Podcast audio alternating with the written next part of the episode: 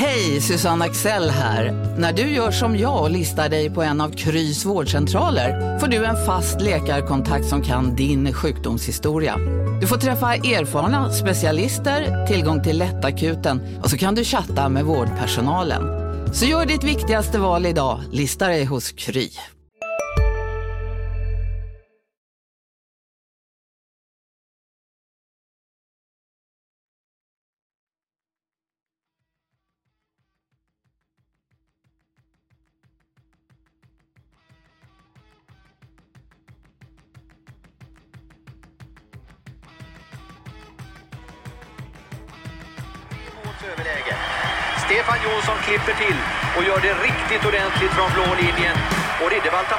Balansen precis i det här ögonblicket.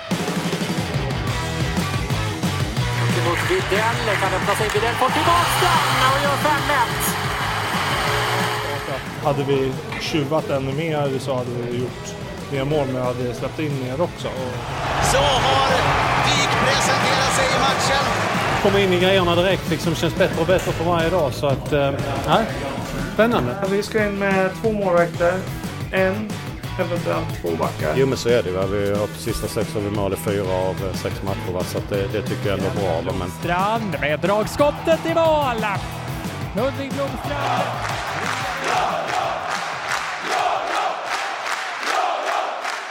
Det är dags för ett nytt avsnitt av Sportklubben LT Sportens podcast om SSK och Hockeyallsvenskan. Jag heter Andreas Hansson.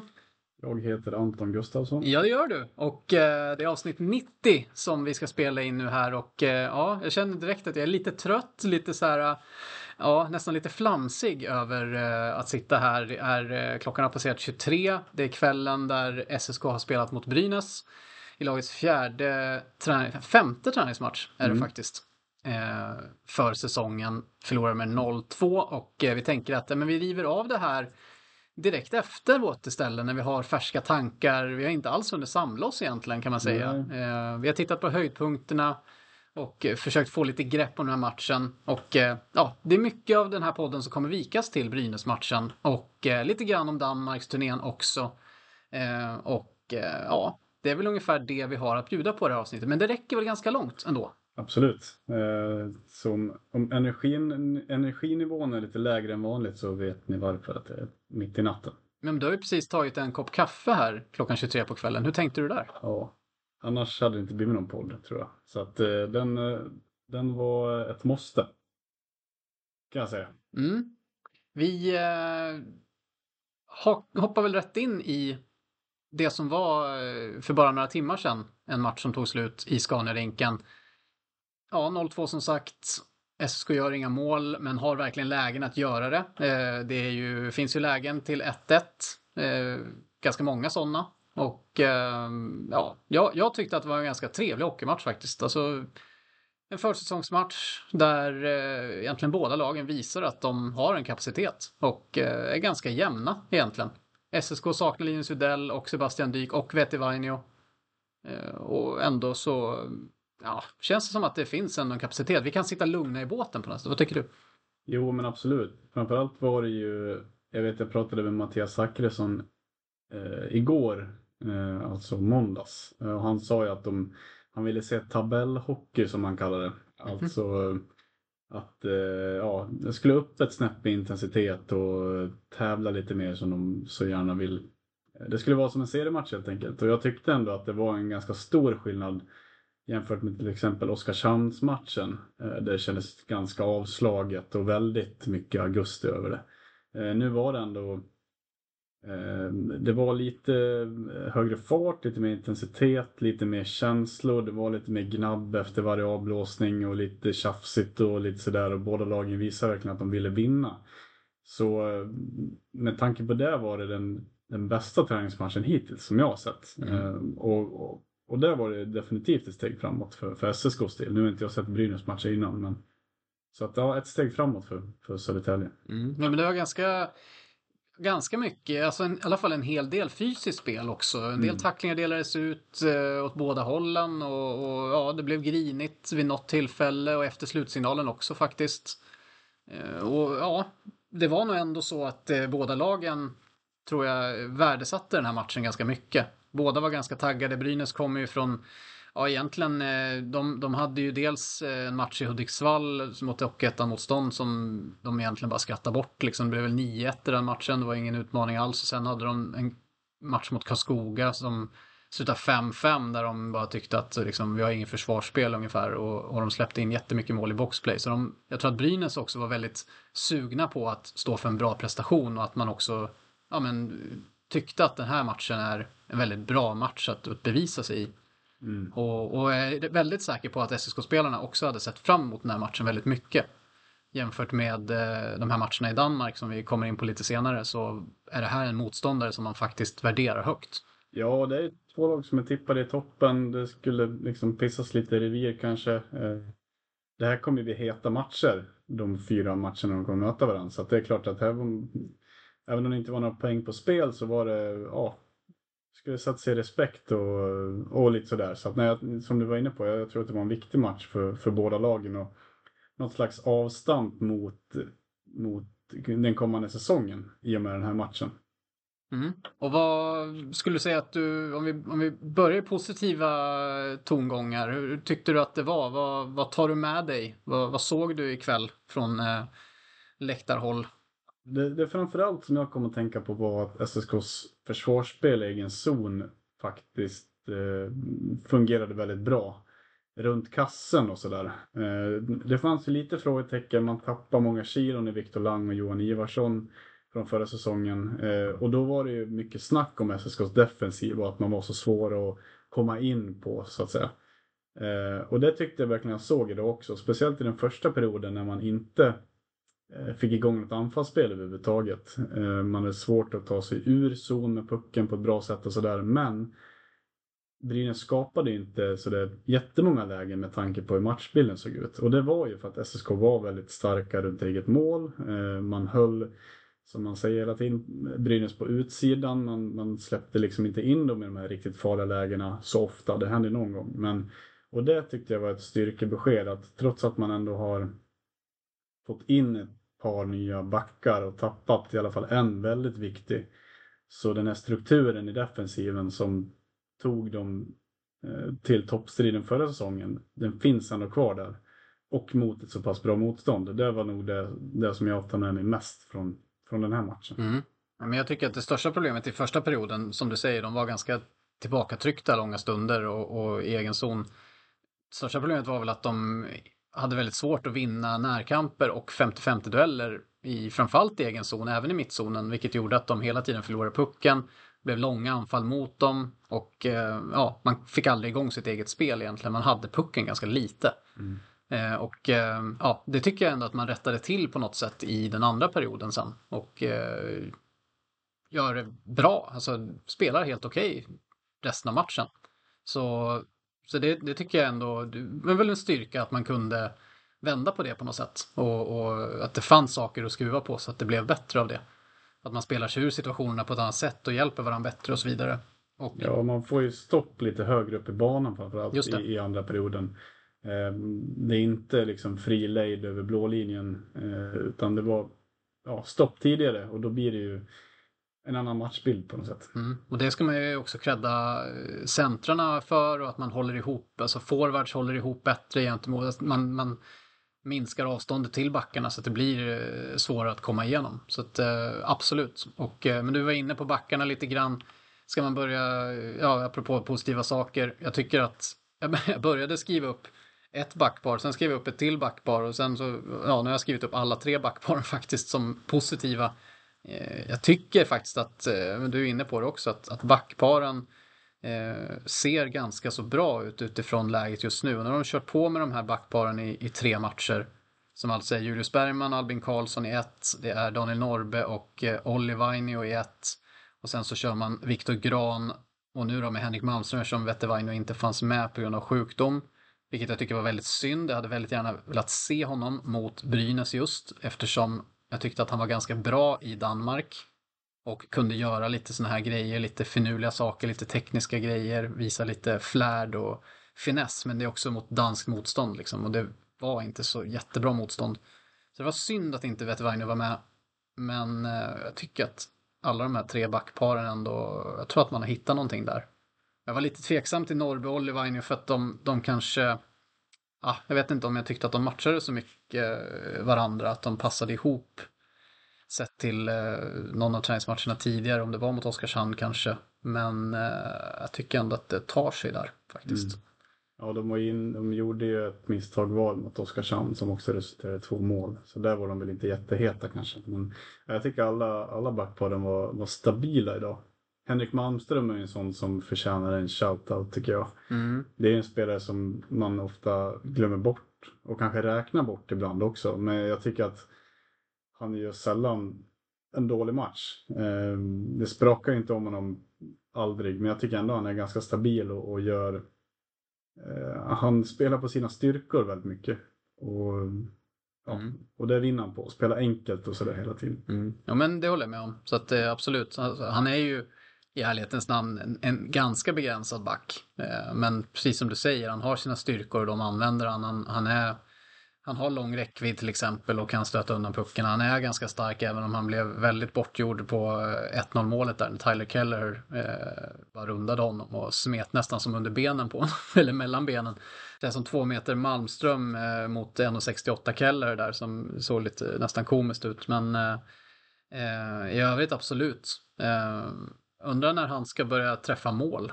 För att han skjuter nästan alltid över eller utanför. Mm, jag har inte tänkt på, men det är möjligt. Han har en himla tung bössa, men han träffar aldrig mål nästan. Mm. Malmström. Och av någon anledning kommer han också ofta till avslut. Jag undrar om det är nästan lite som basket, att motståndarna släpper honom och eh, fokuserar på de som är bra offensivt och låter Malmström skjuta för att de, de, de vet att det här är riskfritt ändå. Hinner man tänka så i hockey? Nej, det är nog tveksamt faktiskt. Men i basket är det ju väldigt mycket så att du ska få motståndaren att behöva ta skott från en svag skytt. Så det är lite så nästan i, i Malmströms spel faktiskt. Men eh, ja, eh, helt okej. Okay. Jag tycker han är en perfekt truppspelare egentligen att ha som, som extra back. Mm. Eh, och ja, kan ta en stor roll ibland om det behövs. Och vi berömde honom mycket förra säsongen. Ja, absolut. Malmström. Um, annars så, uh, vi har pratat och lagt en del energi här i, innan vi har planerat poddavsnittet på Dominic Turgeon och vi pratade med honom med honom efter den här matchen mot Brynäs också och eh, vi har lite funderingar där. Eh, lite, vi är lite kluvna va? Över Dominic Turgeon. Jag vet inte om jag är så kluven. Nej, du, du vet vad du tycker? Ja, jag är inte, alltså jag är lite kluven. Jag är inte jättekritisk sådär, men hittills tycker jag att eh, jag har svårt att se eh, vart han, ska, vart han passar in någonstans. Eh, och jag vet inte om det är så att han inte eh, accepterar sin roll eller inte förstått sin roll eller inte som kan spela den rollen eller någonting. Det, det känns inte som att han har kemi med dem han spelar med. Han åker liksom runt i ett eget litet universum på något sätt och har inget, inget samspel på något sätt. Um, det är inget han har inte den här gummibandseffekten att när någon, eh, när någon stöter så ska han gå bakom och, och tvärtom. Utan det blir, åker på lite samma puckar som kedjekamrater och sådär. Eh, hittills tycker jag han inte har hittat sin roll överhuvudtaget. Mm. Eh, ser lite skevt ut och lite långsamt och lite trögt. Ehm, och ja, inte övertygad alls hittills. Eh, men sen eh, Bogren och, och de här och Georgsson har ju sagt att man måste ha tålamod. Han är inte riktigt van med storrinken och, och lite sådär. Och då, så kan det ju vara. Men, men han är ändå värvad hit som en, en toppcenter och det har han inte agerat som än så länge för mig i alla fall. Mm. Nej, alltså. Eh, han är ju värvad som en toppcenter och det har varit väldigt tydligt, de har gjort väldigt, väldigt klart att det är ju framförallt tvåvägsspelet som han eh, ska vara bra på. Han ska inte ösa poäng. Eh, och eh, det är den rollen han har. Och jag pratade ju med honom nu efter den här matchen och eh, la ganska mycket tid på att prata med honom om tålamod. Och eh, den texten finns ju ute när ni hör det här, finns den texten ute på lt.se. Om, eh, med Dominic Turgeon när han pratar om det här, att ja, han vet om att den här rollen, alltså att det, är det här som förväntas av honom. De har pratat med honom om det. Tränarna ger honom tid, tålamod och allting. Eh, samtidigt så Dels så eh, fastnar det vid två saker. Dels så säger han att han ändå känner en viss frustration över att han gör ju inga poäng. Och ärligt talat så vet jag inte om han, jag har sett honom ha en målchans knappt så här långt. Jag, jag kan inte ens föreställa mig hans skottrörelse. Jag vet inte om jag har sett den någon gång. Så att, nej. Nej. Det tror inte jag heller. Nej, precis. Eh, han kommer till väldigt, väldigt få avslut i alla fall och skapar ganska lite chanser. Eh, hans kedjekamrater däremot har skapat lite chanser. Det har de faktiskt gjort, Marcus Eriksson och Victor Liljegren. Och det är väl positivt på sätt och vis då, att han ändå bidrar till det. Men eh, nej, och, och just det här att det inte blir, kommer några poäng eller ens är nära att göra poäng, det, det säger han ändå att det är en utmaning att inte känna frustration av det. Plus att han då är import, nordamerikansk spelare. Han vet att det alltid är höga förväntningar och risken finns alltid att du får kicken om du inte levererar. Mm. Och då sabbar du även det kommande året, ditt eh, marknadsvärde blir väldigt lågt och så vidare. Så det är klart att det finns, nu pratar inte han om sitt marknadsvärde, men det är ju den kopplingen jag drar i alla fall, att det är klart att det blir en, en större press på en sån spelare. Och ehm, dels så pratade vi om det, dels så pratade vi också, eller jag frågade honom om, för han har ju spelat nu två matcher med Linus Widell. Sen har Widell och Dyk inte varit ihop mer än en match egentligen. Eh, så att, ja, det var inte länge de fick vara ihop. Men eh, sen har han spelat de två senaste, eller tre senaste nu blir det ju med eh, Marcus Eriksson och Victor Liljegren. Och jag försökte få honom att prata lite grann om, ja, hur upplever du skillnaden mellan att spela med Widell eller för jag har fått intrycket lite att Linus Widell är ganska komplicerad att spela med. För att han gör lite det som faller honom in för stunden. Och behöver ha någon som på något sätt förstår och anpassar sig efter det på ett bra sätt. Och att Mm. han därför nu får spela med Filip Engsund istället för Dominic Turgeon. Eh, och då försökte jag få honom att prata lite om skillnaderna. Men det var som att han inte riktigt har upplevt några skillnader. Därför att han är så fokuserad på var på isen han ska vara. Vilka ytor han ska täcka. Och att han hela tiden ska vara spelbar i mitten, spelbar i speluppbyggnaden, han ska finnas tillgänglig som ett passningsalternativ. Och därför så börjar jag fundera på, undrar om han ja, faktiskt är så, så eh, inställd på att passa in i den här, det här spelsystemet så att han inte har någon riktig, ska man kalla det kreativ fri, frihet att, att röra sig lite där situationerna tillåter honom att vara istället Mm. för att liksom kunna skapa någonting. För du kan ju inte bara spela efter din playbook hela tiden. Du måste ju också ta ut svängarna lite. Ja, och anpassa dig efter vad liksom, kedjekamraterna gör. Och vad motståndarna gör. Ja, men precis. Eh, Och det är kanske därför det ser ut som att han åker runt i en liten bubbla nästan. Att han bara tänker att här ritade Bogren att jag skulle stå i den här situationen Exakt. och här, nu ska jag stå här. Och, och inte ens tänker på vad kedjekamraterna gör på något sätt. Och det blir ju inte bra kanske. Men det, det är kanske också att han, han behöver lära sig det till punkt och pricka först. Alltså lära sig vad som händer innanför boxen innan man kan kliva utanför den. Så det kanske krävs några matcher till av det här innan han är trygg nog att göra andra saker så att säga. Mm. Ja, men precis så tror jag att det kanske kan vara. För det var som att han, ja, jag försökte få honom att prata lite om Linus Udells styrkor och lite sånt där. Och han var mer så här att, ja men alla i laget är skickliga. Jag försöker lära känna alla och ja, man kan inte förlita sig på att eh, spela lång tid med vissa personer för att rätt vad det är så får du byta miljö i alla fall och, och sådär. Så att, ja, mitt intryck i alla fall, och det kändes som att han var ganska uppriktig och så, var ändå att han, han, eh, han har fullt upp med att hitta rätt och, och kanske fortfarande lära känna folk och eh, lära känna dem hur de var på isen. Det pratar han ju lite grann om också. Mm. Och eh, ja, så Ja, alltså man måste ju ha tålamod också. Jag, han kommer till ett nytt land, det är stor rink, det är, det är mycket nytt. Eh, och alltså tävlingssäsongen har inte ens börjat än. Och man börjar redan rynka på näsan. Och det är ju för att han är eh, import och eh, ja, hamnade med Dyk och Videll och man fick väldigt stora förväntningar kanske. Så att ja. har han bara spelat ihop i en match. Jo, men Dessvärre. precis. Men att han sattes där var ju en signal på att det här är våran första center. Alltså, eller kan bli våran första center. Ja, det har ju varit förhoppningen helt klart Ja. från början om att det ska kunna vara så. Mm. så och, och ja, jämfört med Filip Engsund, Filip Engsund har inga NHL-meriter.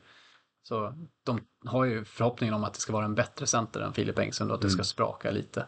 Men eh, ja, frågan är om det gör det och ehm, vi hade väl en liten diskussion när vi tog oss ner för, eh, vad heter det, trapphuset i Scanarinken om just hur länge tålamodet räcker med Dominic Turgeon. För att lite mer än så här måste han naturligtvis visa och eh, göra skäl för de pengarna som man har lagt på honom, vilket nog lär vara en del i alla fall. Och ja, hur, hur eh, det verkar som när jag frågar honom själv att, att tränarna har tålamod och de har sagt åt honom att det finns tid, att han, han, han har den här tiden så att han inte ska känna liksom en press över att leverera nu, annars så ryker det innan serien ens har börjat. Mm. Men sen är det ju också det här liksom hur lång tid har supporterna och sponsorerna tålamod innan det börjar gnabbas och gnällas. Ja, om det står liksom två assist efter tio matcher, vad, vad händer då? Eh, ja, då kan man prata om tålamod hur mycket som helst. Men då börjar det komma press utifrån och det skulle man aldrig erkänna, men det är klart att den, den känns av så. Men eh, ja, samtidigt så, ja, Cole Castles förra säsongen spelade väl 13 matcher och, och hade bara två assist eller någonting.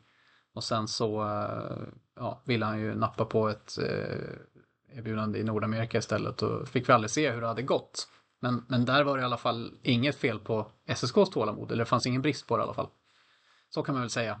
Eh, fanns väl de som tyckte att de skulle skicka Castles efter några matcher bara. Och, eh, Jo, det är det ju alltid. så är det ju alltid. Så ehm, vi får väl se. Jag tror inte att han kommer att få sparken i alla fall. Jag tror inte det är någon överhängande risk direkt att det kommer hända. Just nu, nej. Eller, Nej, eller, eller ens i, innan jul. Jag tror inte att han får sparken före jul. Hur, hur dåligt den potentiellt sett går. Alltså blir det sämre så tror jag naturligtvis, alltså om det, om det är så om, pass. det, om det ser ut så här fram till jul, då tror jag att det är lugnt. Jag tror inte det alltså ändå. Då, då klarar han sig. Så att Ja, säga. nej, alltså jag tror att det kan bli... Det jag kan tänka mig det är att om han står på ett mål och tre assist vid jul, då kommer han själv att vilja byta miljö därför att, apropå det här med marknadsvärdet, Mm. att det här är så dåligt för honom att ha så låga siffror. Så att han kommer vilja flytta till Österrike. det blir väl ISHL där också, så åker han dit och gör en poäng per match. Mm. Eller någonting. Nej men eh, ja, det skulle jag kunna tänka mig som ett scenario. Men ja, jag vet inte. Jag tror inte att de kommer... eh, Men det, det är ju en speciell för att eh, räkna poäng är ju uppenbarligen inte så intressant för liksom Alltså Georgsson och gänget. De Hej, Ulf Kristersson här. På många sätt är det en mörk tid vi lever i. Men nu tar vi ett stort steg för att göra Sverige till en tryggare och säkrare plats. Sverige är nu medlem i Nato. En för alla, alla för en. Har du också valt att bli egen? Då är det viktigt att skaffa en bra företagsförsäkring. Hos oss är alla småföretag stora och inga frågor för små. Swedeas företagsförsäkring är anpassad för mindre företag och täcker även sånt som din hemförsäkring inte täcker. Gå in på swedea.se företag och jämför själv. De ville ha andra saker av honom. Så att de säger att han skulle hamna mellan Dyk och Widell och Dyk och Widell blir den här superduon som vi tjatar om. Samtidigt som han kanske bara gör en handfull poäng fram till jul. Då kanske de kan peka på att ja visst, han gör inte så många poäng men Dyk och Widell får friheten att panga och, skjuta hur mycket de vill. Så att det är ju, ja, det är ju en lite så här. Det är en speciell situation med tanke på vilka arbetsuppgifter han ändå har. Mm. Nej, Ja. mycket hänger ju på hur det går för laget. Jo, naturligtvis. Alltså går det dåligt för laget, då kommer det behöva göras förändringar. Och går det bra för laget så kan man sitta lite mer lugn i båten. Och eh, ja, då kan det bli så som du sa. Videll och, och Dyk öser poäng. Vem bryr sig då om vad Turgon gör egentligen? Mm. Och då kanske SSK istället väljer att ta in en ny spelare. Som, eh, ja, om de nu behöver en, en center till som levererar bättre offensivt. Det, ja, det är inte alls säkert egentligen. Så ja, det är mycket som spelar in. Det är resultat, det är skadeläge i övrigt i truppen och så vidare. Jag menar, sitter man med tre forwards skadade då behöver man ta in en forward och inte en center. Så. Mm. Det blir väldigt svårt och hypotetiskt men jag tror ändå att tålamodet är ganska stort med Turgon. Det är i alla fall min känsla. Men du är lite mer tveksam. Nej, in, inte att det tålamodet inte finns hos SSK. Det tror jag säkert. Men om jag har det. Det är en annan sak. Ja. Hur långt är ditt tålamod då? Om man står på ett mål, tre assist efter eh, 15 omgångar. Ja, men det är just det poänggrejen bryr jag mig inte så mycket i. Det är mer hur det ser ut. Eh, och om han är eh, så här pass isolerad fortsatt från det, det som händer i övrigt och så här kantig och liksom trög. Då är det inte så långt. Men om man ser förbättringar, om man ser att han klaffar mer med de man spelar med och, och, och ja, passar in bättre, eller vad man ska säga, då, då är mitt tålamod såklart längre. På poängskörden bryr jag mig inte så mycket i. Jag, jag tyckte att Castles såg ganska bra ut förra säsongen. Eh, sen var det bara två assist och det kanske var lite för, li, lite för lite i överkant så att säga. Men eh, jag tycker ändå han gjorde ett ganska viktigt jobb i, i SSK de matcherna han var här. Och det, ja, det tyckte väl Georgsson och de också. De hade haft kvar honom om han hade velat. Mm. Apropå då, Torbjörn, vi, vi pratade lite snabbt bara om Victor Liljegren och Marcus Eriksson då, hans två kedjekamrater som eh, ändå skapar en hel del. Eh, framförallt Liljegren har haft väldigt mycket chanser. Han eh, hade ett flertal mot Brynäs, framförallt två riktigt bra lägen där han skjuter ganska högt över båda gångerna. Ser det ut som i alla fall från vinkeln högt upp där vi sitter. Men eh, håller Victor Liljegren på att bli nya Renars Krastenbergs här som bara bränner och bränner och bränner. För gjorde han i Danmark också. Han hade lägen i Danmark mm. men eh, han har fortfarande 0 plus 0 efter fem spelade matcher. Ja, han, han suckade lite det där och sa att han skulle behöva sätta honom i skotträning. Ja, du pratade ju med honom nu efter matchen också. Så ja, den texten har inte jag läst än faktiskt än, men den, den finns ju på Ja, det... Kanske på sajten delvis va, eller hur ja, gör vi? precis. Jag, jag tog ett litet snack med honom. Det finns ju på sajt redan nu Eh, i talande stund. Sen kommer jag skriva lite längre prat med honom just om den mycket tuffare konkurrensen på hans position den här säsongen jämfört med förra säsongen. Ehm, och hur han känner kring det och hur mycket han tycker att han måste förbättra sig för att känna ett stort behov av att behålla den här positionen av att spela i topp två-kedjorna. Eh, liksom. Och det känner han väl inte egentligen. Han hade en ganska bra poängmässig säsong för 30 poäng tror jag det blev till slut. Mm. Eh, bästa i karriären. Men han menar ju att han inte känner att han måste vara en producerande spelare för att vara nyttig på något sätt. Eh, uh, han, hans styrkor kanske är andra och han menar att han aldrig har varit en producerande spelare på det sättet egentligen. Och att ja, han, han kommer fortsätta göra sin grej oavsett hur många minuter han får och i vilken kedja han spelar och så vidare. Um, Låter som en drömspelare för en tränare. Ja, men om, man, klagar ingenting. Om man var helt uppriktig, vilket jag har ingen anledning att tvivla på det. Så ja, absolut, då verkar han acceptera vilken roll som helst. Och det är klart, ja, det är ju väldigt mycket svårare att ta en plats bland de fyra toppforwardsen i år jämfört med förra säsongen. Um, Ja, men han har haft det, haft det tufft med målskyttet på försäsongen, absolut. Eh, sen, jag tycker att han är så nyttig. Han skapar så mycket ur tomma intet på egen hand. Med storlek och lite fart och sådär. Men det är klart, puckarna måste in också. Så, så enkelt är det. Ja, det är väl den där klyschan att det är bra att komma till chanserna och sådär. Han sa väl garanterat det, det också i intervjun. Ordagrant sa han, han, ja. han har varit betydligt mer orolig om chanserna inte hade dykt upp överhuvudtaget. Och att snart kommer det lossna och så vidare. Mm -hmm. ja, det är inte, det är, jag vet inte hur många gånger Anders Krastenberg sa det förra säsongen, så det är väl därför jag får lite flashbacks nu. Ja. Men, men, eh, men det ja. Lille, han bidrar ju med mer än vad Krastenberg Ja, verkligen, verkligen. Eh, han är ju ganska nyttig och användbar, speciellt att riva upp hål och sådär. Krastenberg stod mest och väntade för att få panga, medan mm. Liljegren han är bra på att ta in pucken i zon och sådär. Mm. Stark i närkamper, vinner puckar. Och ja, det gjorde han ju en del idag. Tycker han gjort en hela försäsongen. Just vinna puck så att SSK kan få längre anfall och så. Sen är det klart det är kul att göra mål ibland också. Mm. Ja, men eh, det blir säkert en lite kortare podd än vanligt det här, eh, tror jag. Vi sitter ju här och, och närmar sig midnatt. Eh, men lika bra att riva av det här när man ändå har det färskt i, i tankarna. Något som vi också kanske kan prata lite grann om är Thomas Scholl som, eh, eh ja, han ska ju absolut inte, alltså han gör ju en, en ganska bra match mot Brynäs måste jag säga. Han, eh, ja, räddar ganska mycket, även om som du sa, det var inte jättemånga superlägen för Brynäs. Han, han klarar av det mesta. Eh, han eh, på 1-0 målet hamnar en väldigt konstig situation där han, släpp, han släpper en retur.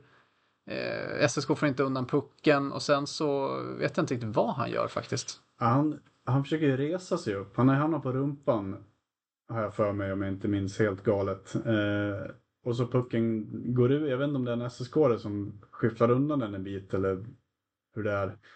Och sen får den här lätten, nu kommer jag inte ihåg vad han heter. Mm, Mix det här har jag övat på uttalet, Meeks Indrashis. Indrashis, ja. Han berömde mig för uttalet. Han sa att det var perfect i tv-sändningen. Okej, ja, då kan du... Skolelettiskan hjälper dig. Jajamän. Ehm, men och då i det här läget så försöker eh, Scholl resa på sig. Och släpper då luckor över, under och i semafor och överallt egentligen. Ehm, och då, då, ja, och då är det bara för honom att pricka in den. Om han hade suttit kvar då hade han i alla fall täckt längs med isen. Mm. Så jag vet inte om det var så att han tänkte sig att pucken hade rensats ur zon eller så han hade tid att resa sig. För han såg väldigt förvirrad ut när pucken gick in i mål. Mm. Så nej, det var en konstig situation. Jag skulle inte kalla det för en tabbe, men det ser väldigt märkligt ut och han släpper ju luckor överallt. I och med att han reser sig. Så Mm. att, ja, det såg lite konstigt ut. Mm. Ja, men det är som du säger, han tror nästan att situationen är över. För att Mm. han tar sig också upp på ett väldigt konstigt sätt. Han håller inte alls ihop sin kropp liksom, när han ska ställa sig upp. Så att eh, det måste nästan vara så som du säger. Ja. Han, han fattar inte att pucken är kvar i, i ett farligt område. Nej, precis. Men annars så eh, gör han ju ett antal räddningar, framförallt en på eh, Anton Olsson, en eh, nykläckt seniorspelare i Brynäs som får ett ja, får öppet mål. Och eh, Scholl hittar en sidledsförflyttning och upp med stöten i en faktiskt otrolig räddning. Ja, absolut. Den är, den är, den är otroligt bra. Väldigt, alltså, otroliga reflexer och att han ens hinner över och se vart pucken tar vägen. Och, för är det en retur från Scholl eller studsar den på någon annan framför? Ja, nu kommer jag inte ihåg om han har räddat den eller om, han, eh, om den st- stoppas av någon försvarare på vägen fram. Men eh, det är ju ett backskott i alla fall. Och eh, ja, pucken hamnar åt, åt sidan, åt hans högersida helt enkelt. Och så ja, tvingas han eh, göra en fl- reflexräddning. Annars så det är omöjligt att hinna över med hela kroppen där. Ja, ja. Ja, nej den, den eh, är riktigt bra. För ofta ser man ju målvakter, de kanske gör en snygg räddning men då kanske de har varit där med kroppen redan. Alltså de behöver egentligen inte röra kroppen utan Mm. räddningen är egentligen en, en bra sidledsförflyttning eller någonting. Men här är ju hela kroppen kvar i mitten av målet och han är tvungen att flaxa upp i ena armen och Men lyckas göra det. Han, han gör ju en väldigt stabil match. Eh, han känns tät. Han släpper någon lite konstig retur, men det händer ju varje match. Mm. Han sätts under ganska stor press i vissa tillfällen och löser den då. Eh, så att hittills tycker jag Scholla har varit det var ett osäkert kort, för ingen känner till honom. Han spelar i de här märkliga europeiska ligorna bara. Eh, ja, förutom Nordamerika såklart. Eh, så det var ju ett osäkert kort som inte hade bevisat sig på de här breddgraderna förut. Eh, men han har stått tre matcher nu va? Han har stått Oskarshamn. eh, Oskarshamn, Herlev och eh, Brynäs. Ja. Ja. Och det är ju tre bra matcher. Eh, Så hittills verkar det vara ett, eh, en bra värvning eh, av Scholl. Jag har ingen liksom anledning att, att tvivla på det än så länge. Mm. Nej, alltså jag gjorde, skrev ju någon slags krönika efter någon av Danmarksmatcherna eller om det var efter att båda var spelade. Och det är lite så apropå Scholl att, att han är ju egentligen precis det som han har beskrivits som. Alltså en, en reaktionssnabb, eh, alltså kvick målvakt som eh, är lite flaxig och som behöver liksom jobba lite med det. Men samtidigt väldigt bra på att stoppa puckar och eh, verkar inte ge sig i situationerna. Nej, han, han har ju dels tycker jag han har sett ganska tät ut, men också den här matchvinnarkoefficienten. Att han har i sig att göra räddningar i, i väldigt pressade lägen och i situationer som är väldigt svåra. Var det där något som plockades från uh, målvaktstränarhandbollen? Det där ordet. Ska det bli en följetong? Mitt målvakts... Kan du inte säga det en gång till? Eh, matchvinnarkoefficient. Ah, snyggt. ja, men alltså att han har någon slags X-faktor. Eh, att eh, han kan verkligen, när laget behöver det så kan han kliva fram och göra den typen av räddningar. Och i första perioden när SSK var tillbaka tryckta, men då höll han ändå, förutom det konstiga resmålet, då, men så håller han ändå, håller han ändå stången. Eh, Mm. och det känns ju som en målvakt att luta sig mot när det blåser. Hittills Mm. måste man ju vara noga med att säga hela tiden. Och det, och det, Absolut. det är ju vad ett topplag behöver. Så att, eh, ja, Mm. hittills bra scoutat av SSK. Mm. Nej men jag måste ändå säga det. Jag, den krönikan jag skrev handlade ju lite om att det finns inga frågetecken, det är vi ett då egentligen, det är Dominic Turgeon och det har vi Mm. ju pratat länge om nu i den här podden. Men det är ju också den spelaren som kommer med allra största utmaning egentligen till SSK. Han har spelat minst tid på europeisk rink, han har varit minst tid i, i Europa och spelat och han har en, en svår roll. Så att, eh, ja, det är inte så konstigt heller. Men i övrigt så är det ju, alltså, ja, alltså Olivainio är ungefär det man förväntades. Tycker att han ser ganska eh, fin ut faktiskt. Eh, och eh, Vetevainio har jag inte sett så mycket av, men eh, ja, gör väl det som, han skulle ju vara en rolig back. Alltså det han visade, Emil Eriksson hatar ju det där uttrycket nyligen, eller tydligen, men eh, det är han som har sagt det, att det skulle vara en rolig back. Men Vetevainio verkar ju vara en rolig back faktiskt utifrån att möta danskt motstånd i alla fall. Han spelar lite också. Ja, precis. Inte vara sjuk och skadad och eh, ramla på knattar i, på jippomatcher eh, eller träningar. Nej men, eh, ja, och, och ja, jag vet inte om det är något mer nyförvärv, Marcus Eriksson till exempel och Dyk och, och Blomstrand. Alltså de är ju ändå vad de, vad de förväntas vara och sen förstår jag att, att eh, Marcus Eriksson eller Ludvig Blomstrand inte är eh, 100% påkopplade när de möter Rungsted eller någonting. Alltså oavsett vad det är. Men just idag så tror jag att man var hyfsat påkopplad i alla fall. Mm. Eh, och ehm, ja, det, det är väl det viktigaste att det ändå inte bjuds på några negativa överraskningar. Ungefär så känner jag över försäsongen. Och, och så här långt så tycker jag att det finns nästan inga negativa. Det är, det är Dominic Turgeon alltså, som vi fortfarande är lite tveksamma över och som vi vill se mer av. Sen är alltså målskyttet eh, tycker jag att man bör nämna. Mm. Eh, Det har inte varit effektivt nog. Sen Bogren menar att idag var de ju bedrövliga i powerplay, SSK. Och det var de. Hade de något skott på mål överhuvudtaget? Ja, och något, någon chans tror jag faktiskt de hade. Men Hade, hade nej, de det var något uppställt powerplay-spel? Väldigt lite tid i alla Ja. fall. De hade lite men det var inte mycket alls. Ja. För, förut har de spelat rätt bra i powerplay men det har fortfarande inte gjorts några mål.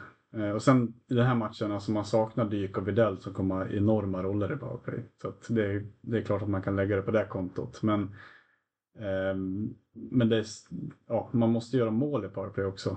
Eh, och, ja, där, där tycker jag att ineffektiviteten och målskyttet har inte varit bra. Det är klart mot danskt motstånd är det lättare att göra mål. Men eh, där tycker jag att det behövs steppas upp. Vi pratar om Liljegren, Nissa och stora lägen och sådär. Eh, Det finns fler som har gjort det. Så att, eh, det där tycker jag definitivt att det finns stora saker att förbättra. Får man missa de här chanserna mot Brynäs i serien, då kommer man inte vinna. Mm. Det, Ja, Man gör ju det- faktiskt inga mål. Nej, nej men exakt. Det, alltså, det kommer inte bjudas på så många chanser i den här typen av matcher. Och då måste man ha en bättre procent.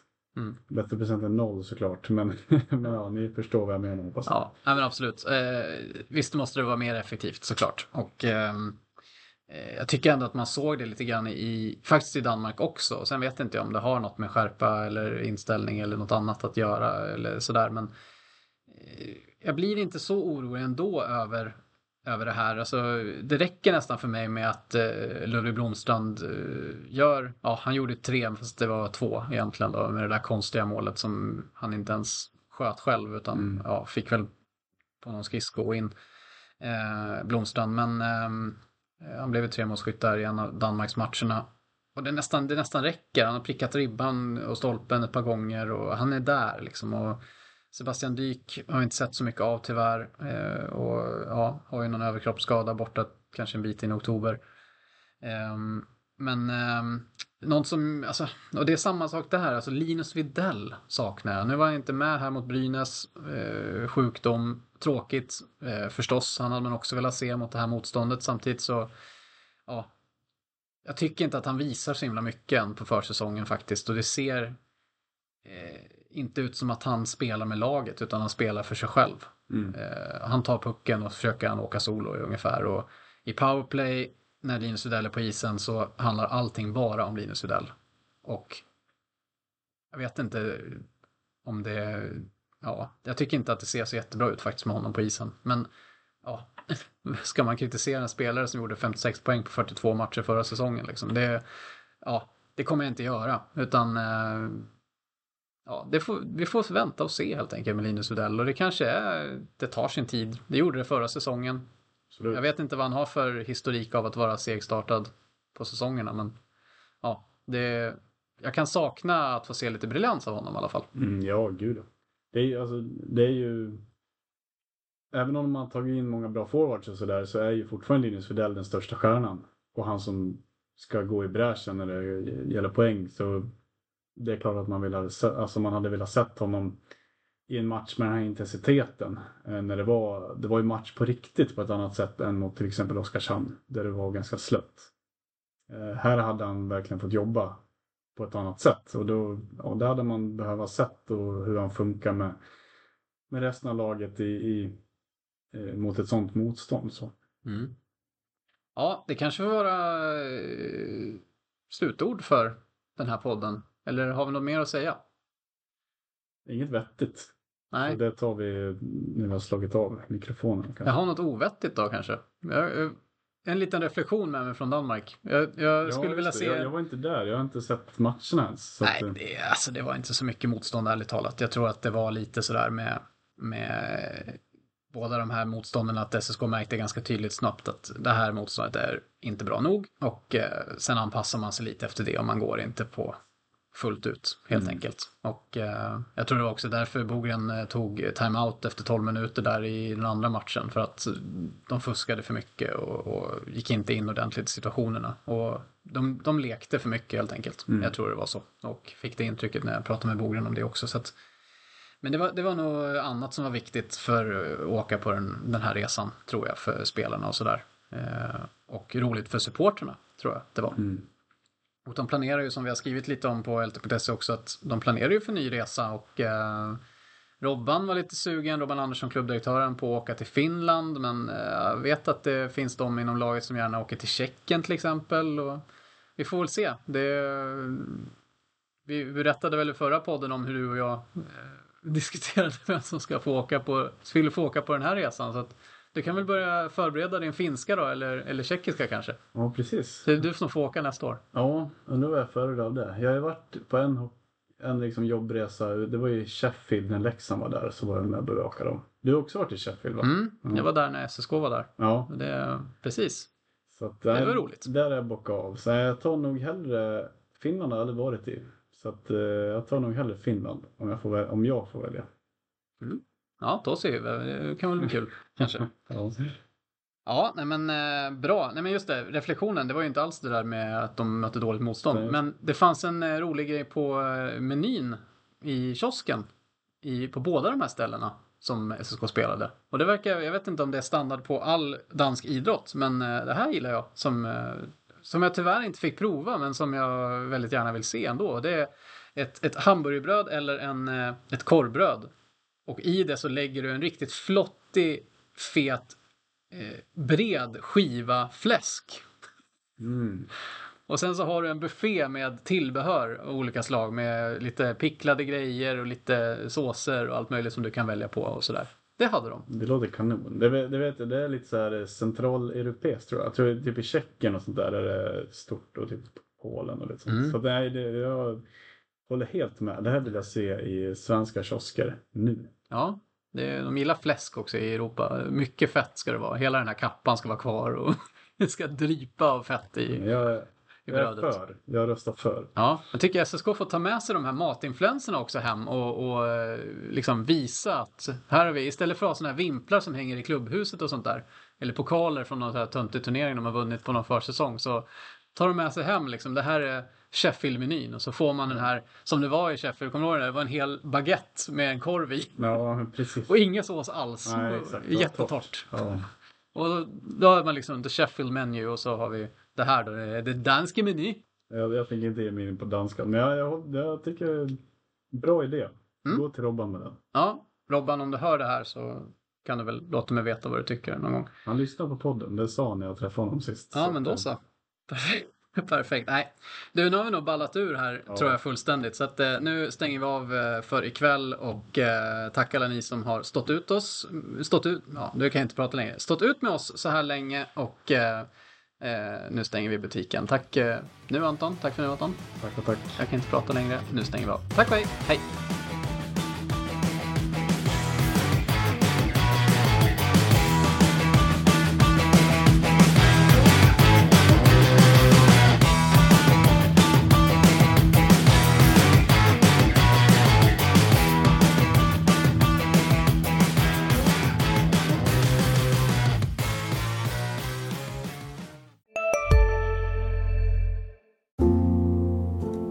Några små tassar flytta in hos dig. Hos Trygg Hansa får din valp eller kattunge 25% rabatt på försäkringen första året. Läs mer och teckna djurförsäkringen på trygghansa.se. Trygg Hansa, trygghet för livet. Kurrar det i magen och du behöver få i dig något snabbt? Då har vi en Donken deal för dig. En chicken burger med McFeast-sås och krispig sallad för bara 15 spänn. Varmt välkommen till McDonalds.